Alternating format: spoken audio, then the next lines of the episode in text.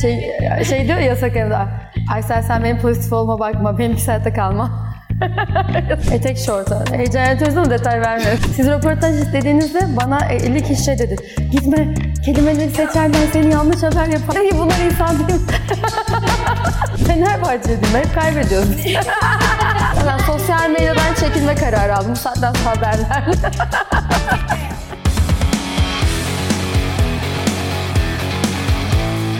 Öncelikle Oda TV'de röportaj veriyor olmak benim için gerçekten bir cesaret noktası oldu yani. Kötü bir değilim. Soruyu hemen anlatayım. Neydi bir diğer soru? Cevap ver.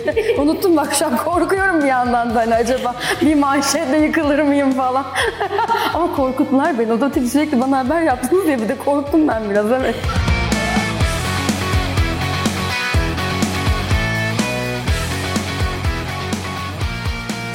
Beni çeken şey tamamen ailemdi. Yani şöyle, ben hep hayatımda müzikle vakit geçirdim. Müziği müziğe harcadım. Müziksel ortamlarda bulundum. Ee, ama ailem çok orta gelirdi bir ailem vardı benim.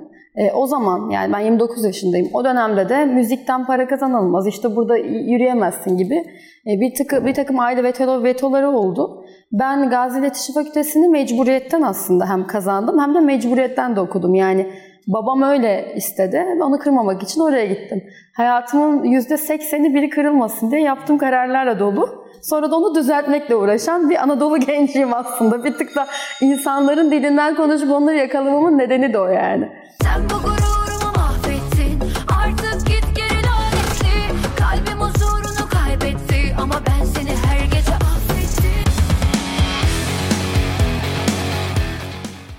Begüm Polat en son Aptal Beyin diye bir kitap okumuştum.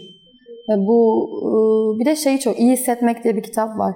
E, bu yaşadığım linçler sosyal medya aslında hani gerçeğimi ben biliyorum. Gerçeğimde çok e, zaten modern çok hani pozitif. Benimle aynı fikirde olmayanla da sohbet edebilirim. Olanla da edebilirim. Yani böyle bir karakterken sosyal medyada yaşadığım linçlerle bazen hani yorumlarla şöyle diyorum acaba ben buradaki yazılan mıyım falan diye böyle. Bu yüzden biraz böyle iyi hissetmek. İşte Aptal Bey'in daha böyle kişisel gelişim, psikoloji kitaplarını önerdim son zamanlarda. Ben Fenerbahçeliyim. Biz düzenli olarak kaybediyoruz. Ama bir başarımız da var. E, Düzelteceğiz diye düşünüyorum. Fenerbahçeliyim çocukluğumdan beri. Koyu bir Fenerbahçe taraftarıyım. Evet var aslında. Şu an şöyle bir karar aldım bu sosyal medya linçlerinden vesairelerinden sonra. Tamamen biraz geriye çekilip kendi yap, kendi bestelerim var benim söz müzik. Aslında İstanbul, e, Ankara'dan İstanbul'a gelmemin nedeni de o. E, hatta sordum. Müzik ortamında geçen bir hayatım vardı. Neden işte e, sonrasında böyle sosyal medya ya da işte ne bileyim iletişim fakültesi gibi yöne evrildin? E, eskiden dijital çağ olmadığı zaman ben Y kuşağı olduğum için ucundan un kapanını başından da dijital çağdaki müziği yakalamıştım. Ben e, vokalistlik yaparken ünlü insanların arkasında TRT'de, arı stüdyolarında falan o zaman e, daha un kapan dönemi vardı. O dönemde gerçekten kişiler kendilerini ifade edemiyorlardı. Yani gençler kendilerini müzikleri ifade edemiyordu. Ben de onlardan biriydim. Biz engelleniyorduk ve haşin bir piyasa vardı. Ee, ondan dolayı da dedim ki hani nasıl bu büyüyü bozabilirim? Hani bu çetrefilli hayatımı insanlara anlatayım deyip sosyal medyaya falan evrilmem böyle oldu. Aslında normalde müzisyen bir insanım. Bunu unuttum mu? Bir süredir unuttum. Ee, şimdi tekrar kendi yazdığım, buraya gelme amacım olan, sözü müziği bana ait olan bestelerimi yaşatmak için geriye çekilip onlara doğru eğilip bir albüm çalışması yapıyorum.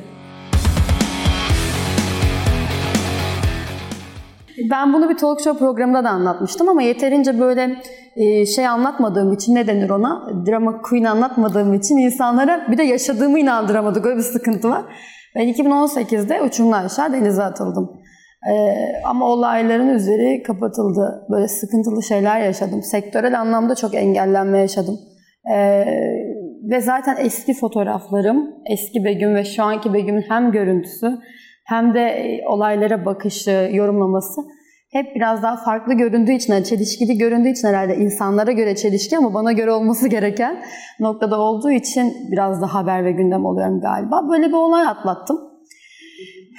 Yani zor ama gülüyorum.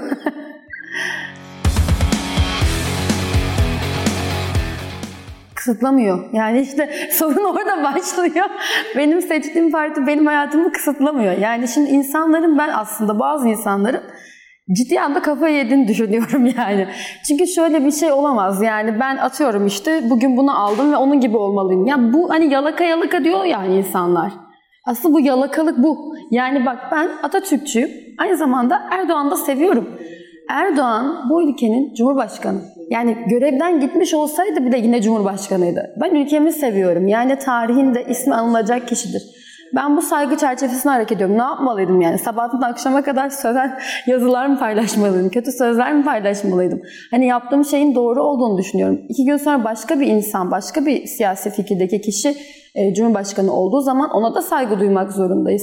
Hani aslında çağdaş, modern, aydın düşünce dediğin şey budur. Yani diye düşünüyorum. Küfür etmek ya da hakaret etmek ya da ötekileştirmek değildir. Ben bu süreçte şöyle bir komedi de gördüm. Çok hatta benim fikrim de böyle fanatikleşme ve çok destekleyici hale bürünmem zaman içinde oldu. İşte sizin haberler, basının haberleriyle gelen tepkilere bir baktım. Yani işte ne bileyim e, modern, demokrat falan, aydın diye yazan profildeki insanların bana hakaret ediyor olması ben şöyle dedim yani nasıl ya hani sen açık giyiniyorsun falan filan böyle ahlaksız falan yazıyorlar bana. Hani ben de bize öğretilen ne? Normalde bunu karşı tarafı yapması gerek değil mi yani? Bir baktım ben öyle bir şey yok. Hani bir bakıyorum benim kısa giymemi e, hiç beklemedim insanlar diyor. Boş ver onun hayatı, kızın düşünceleri önemli. Hiç beklemediğim insanlardan da hakaretler görüyorum. Ben böyle şeylerin çok şekilci olduğunu düşünüyorum. Yani bu e, her e, yönde var aklı selim olarak hareket etmek gerekiyor bence. Bir kişi hedef gösterip o kişi benim fikrimden değil hadi onu taşlayalım. Bu akraba ilişkisinde olan bir şey gibi aslında. Hani evimizde vardır ya evde bir tane deli çocuk vardır sıkıntı yok. Ben yıllar önce de böyleydim zaten. Anlatabiliyor muyum? Aşarız yani. Evde de öyle. Ben bir tane doğruyu söylerdim. Ee, sürekli bana derlerdi ki bu niye böyle? Yani siz şu an resmen benim yıllar önceki aile hayatım ve ülkeye mal olmuş durumunu yaşıyor gibiyim yani şu an.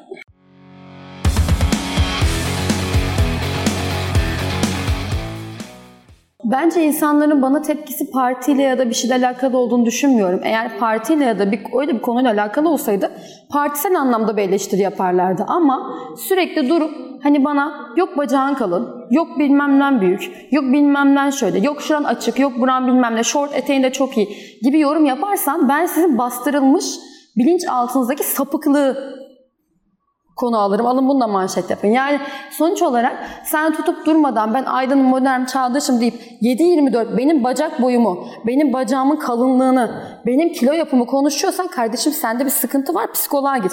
Hani ben bu noktadan bakıyorum. Bunun siyasi bir konusu yok. Çünkü gir Twitter'a yani görmedikleri uzuvlarım hakkında konuşuyorlar. Ya görmüş gibi falan. Ben bunun bir sapıklık olduğunu düşünüyorum. Kadına şiddet diye bağırılıyor ya hani böyle her yere çıkıyor. Bunu da bağırın. Madem kadına şiddet al bak ben de kadın erkek gibi görünüyor muyum oradan? Biz benziyorum. Kadın al bak bana da şiddet var. Çok kötü hissettiriyor. Nasıl hissettiriyor dedin ya. Berbat hissettiriyor. Üzücü hissettiriyor. Talihsiz hissettiriyor. Yani düşünsene benim ülkemin aydın olduğunu iddia eden adam bile aydın değil. Yani çok üzücü. Ya ben nerelere gidem? Yani anlatabiliyor muyum? Sonra tutuyorsunuz sen niye destekliyorsun? Ya desteklerim kardeşim. Atatürk bize seçme ve seçilme hakkı vermiş. Bize oy özgürlüğü vermiş. Yani sana bunun hesabını veremem. Yani biz neden e, oy kullanırız? Farklı partiler, farklı düşünceler, farklı fikirler var diye. Zaten bence tamamen genel ülke olarak talihsiz yaşadığımız bir durum. Saygı duyma eksikliği. Kimse kimseye saygı duymuyor. Bugün ben işte farklı bir görüşteyim ama Oda TV'de bir röportaj yapıyorum değil mi? Bunu reddedebilirdim. Ki bir sürü insan bana dedi ki reddet çünkü zarar gelir, gelir sana. Ben de dedim ki onlar insan değil mi hani niye zarar gelsin diye böyle bir. Ama ne yaptım? Bunu yapmak istedim. Çünkü bu ters köşedir. Yani toplumlar böyle kaynaşır. E şimdi oturacaklar Begüm Polat'ın zekasızlığı diye konuşacaklar. Vallahi kusura bakma da zeka içeren konuşma yani. Anlamıyorsan o da senin problemin. Şimdi ben siyasetçi değilim. ben bir vatandaşım hani.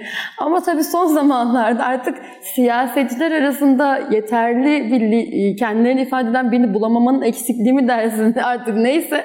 Beni siyasetçi gibi ciddiye aldığınız için öncelikle çok teşekkür ederim. Hani gerçekten e, bunu da sorgulamıyorum, saygı duyuyorum ama şimdi ben siyasetçi değilim ama şöyle bir şey var. Orada Hüdapar var, orada YSP var. Yani ben bu konuların derinlerini bilmem. Ben buralara bakmıyorum. Ben AK Parti'nin, Sayın Recep Tayyip Erdoğan'ın e, bu seçim sürecinde tutunmuş olduğu tavrı, tutumu, yaklaşımı, depremzedelere olan yaklaşımı, keza kavga dilini seçmemesini takdir ettim. Hoşuma gitti ve destekledim. Doğru buldum yani. Çünkü benim için ben o zaman seçimde de söylemiştim, klipte de yapmıştım. Herkes bana bir de bana dediniz ki yargılanacaksın Begüm Polat. Ya neyi yargılayacaksın? Kanın bacağımı mı yargılayacaksın? Bir yıldır onu yargılıyorsun. Yani hani saçma sapan konuları anlatabiliyor muyum?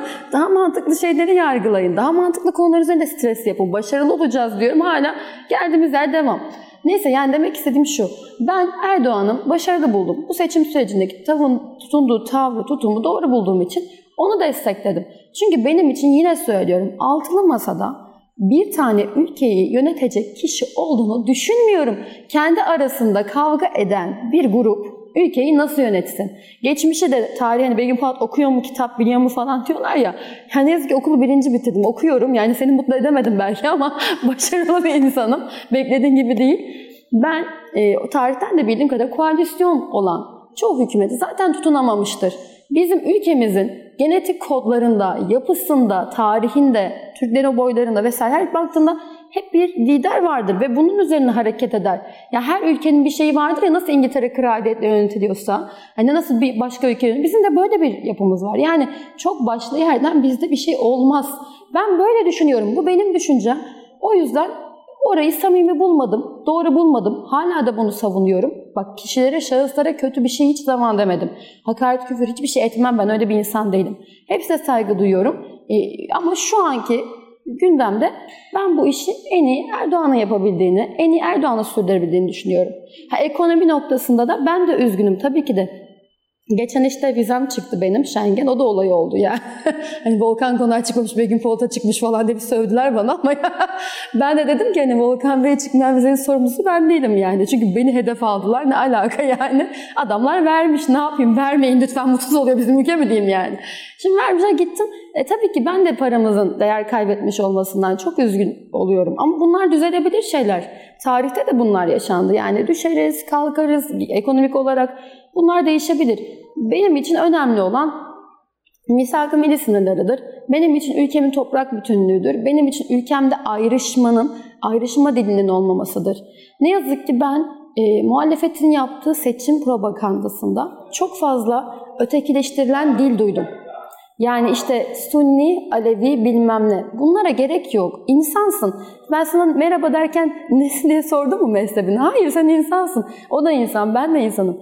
Ben bu şekilde baktığım için e, AK Parti ve e, Erdoğan'ı destekledim bu seçim sürecinde. Oy verdiğim için ben bir yere konumlamıyorum kendimi ama tabii otomatikmen öyle görünmek isteniyor galiba. öyle oluyor yani. Ya ben de ben kendim de zaten muhafazakar bir ailenin kızıyım. Giyim, yaşamım daha rahat görünebilir. Ama yaşam tarzım öyle değil aslında. Belli çizgileri olan, belli dur noktaları olan bir insanım ve bundan mutlu olan bir insanım. Sen yani ben örnek veriyorum. Sen de mesela tek giymişsin gayet rahat. Bu insanı seküler yapmıyor. Yani hani anlatabiliyor muyum? Bu bir seküler yapmaz. Yani bu insanı bir kalıba sokmaz. Etek giymen senin modernlik seviyeni belirleyemez. Bu kadar basit düşünmeyin. Yani ben kısa etek giydim ben modern. Ne alakası var yani anlatabiliyor muyum? Oldu o zaman yani. Yani açıkçası o sözleşme hakkında çok da bir bilgim yok. Bilgim olmayan konular hakkında ilgim de olmadı yani e, bakmadım. E, böyle konular hakkında da çok bir şey e, konuşup hatalı söylemlerde bulunmak istemem. Yararlı bir şeyse çekinilmemesi iyi olurdu ama tam olarak detaylarını bilmediğim için ne desem şey olur yani şu an yalan olur. Bu arada şu sadece bu hakkında şunu hakkında şunu söyleyebilirim. Kadın hakları, işte kadın cinayetlerinin engellenmesi vesaire gibi konularda da bence tamamıyla ne bir sözleşme, ne bir yazı, ne bir mühür, ne bir kalem bunu durdurabilir. Bunu ne durdurabilir biliyor musun? Bizim birbirimize saygı duyma, toplum bilincinin güçlenmesi. Bunu siyasi parti de değiştiremez. Bak bugün hükümet değişse yine aynı olaylar devam edecek. Çünkü toplumun değişmesi lazım. Toplumun bakış açısının değişmesi lazım. Bak ne diyorum? Modernim diyen, muhalifim diyen insan bile benim bedenimden beni aşağılamak istiyor. Onun gibi düşünmediğim için bana sinirleniyor ve bunu yapıyor. İşte biz bu ilkelliği bıraktığımız noktada aslında hiçbir sözleşmeye ihtiyaç kalmadan her şey çözülür. Erdoğan'la henüz tanışmadım. Sadece onu bir kere ilk, ilk turda genel merkezdeydim ben. Orada geçerken gördüm. Çok yüksek aurası olan bir insan. Tanışmayı çok isterdim. Onun için de bir şarkı da yazdım ben. Milletin lideri ama bu şarkıyı 6 yıl, şarkıyı 6 yıl önce yazdım biliyor musun? Bu arada şey de söylemek isterim. Benim sürekli sorularınıza var mıydı bilmiyorum ama buna da bir açıklık getirmek istiyorum. Twitter'da çok eskiden attığım yani 19 yaşında attığım tweetler olmuş benim. İşte Erdoğan'ı sevmiyorum yazmışım sanırım. Şimdi ben 19 yaşındayım. Yani durmadan bunu anlatan bir... Onu yazarken babamla muhtemelen kavga ettim. Tamam mı? Benim babam muhafazakar. Ve ben o zaman, o zamanın bir de şeyi farklıydı biliyorsun işte 15 Temmuz olmamıştı. O zaman daha farklı bir gündem konuları vardı. Cemaatler, değişik şeyler vardı. Ben de 19 yaşında bir genç olarak o zaman babamla yaşadığım tepkisel diyalogları sanırım muhtemelen Twitter'a ünlü olacağımı bilmeden atmışım ya. yani şimdi tutup da 40, 50, 60 yaşındaki insanların 10 sene önce yani 10 sene önce benim attığım ki kötü de bir şey yazmamışım. Gündemi yani o anki dönemi yorumladığım tweet'i aa sen değiştin sen işte yalaksın demesi de komik geliyor. Yani 10 yılda değişmiyorsan eğer sen bir gidip aynaya bir yüzüne su vurup de ki ben e, niye gelişemiyorum de. Yani insan 10 yılda bir değişim göstermiyorsa bu insan odundan çok bir farkı yoktur bence mesela. Bir kalas olabilir yani 10 yılda bir gelişim göstermemişsin. Bunun sorunu ben değilim. Şimdi ben şu an 29 yaşındayım. Bir kadınım. 19 yaşında bir genç kızken olaylara bakışım çok farklı ve o zaman dönem de farklı. Yani şu an şöyle söyleyeyim sana. Altın Vazı özel. Saadet Partisi ile CHP bir araya geldi. Anlatabiliyor muyum? E, yani e, işte diğer tarafta Cumhur İttifakı'nda e, zamanında birbirine insanlar e, sözler söylüyordu ama herkes aynı masaya oturdu. E demek ki zamanla her şey değişebiliyor, bir şey yapılabiliyor. Tutup da ben şimdi eski fikrimden farklı fikirde düşündüm diye ki 10 yıllık bir periyot sonrası tutup da beni bu konuda da linçlemeleri e, tarihsiz buluyorum.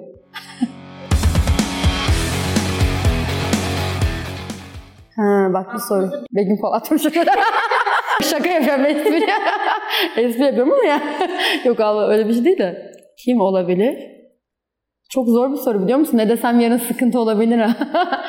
Bence Bayraktar çok iyi buluyorum. Hem aile hayatını, hem eşiyle tavrını, bir de Teknofest'teki o yani bilimsel çabaları, çabaları, çalışmalarını başarılı buluyorum. Sinan Oğan'ı da beğeniyorum ben. Sinan Oğan'ı da çok hoş bir duruşta buluyorum.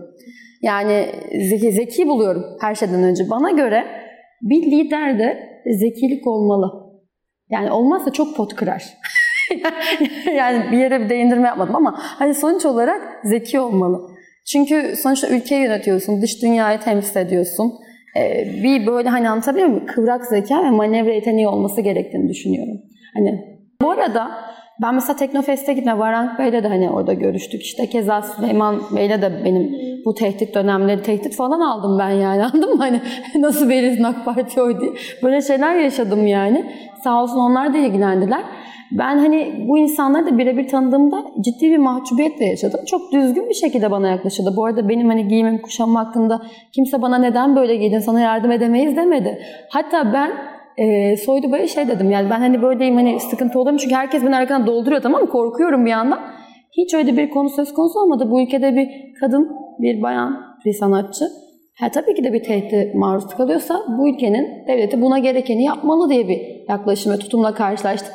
O an ağlamıştım. Üzüldüm. Çünkü yani yalnız bırakılmadım diye çok mutlu olmuştum. Yani şaşırmıştım. Bence biraz sanırım biz böyle pencerenin gerisinden arka tarafı farklı yorumluyoruz. Sokağa da inmek lazım anlatabiliyor muyum? Sokağa da okumak lazım. O insanları da bilmek lazım. Düşünsene devlet yöneten insanın gündemi senin eteğin olmaz zaten. Yani daha büyük sıkıntılar var Allah korusun. Oda TV takip etmiyordum ama artık bir yerden sonra etmek zorunda kaldım. Yani o kadar çok haber oldum ki Oda TV'de. Hani bir de size de çok kavga ettim. Değişik başlıklar attınız. Yahu diyorum ben o niyetle yapmadım diyorum. Bende mi bir sorun var falan. Ama tabii habercilikte böyle bir şey. İletişim fakültesi olduğum için biraz anlamaya çabalıyorum. Ee, olsun böyle olması gerekmiş. Neden bunu yaşadığımı da bilmiyorum ama yaşadık yani.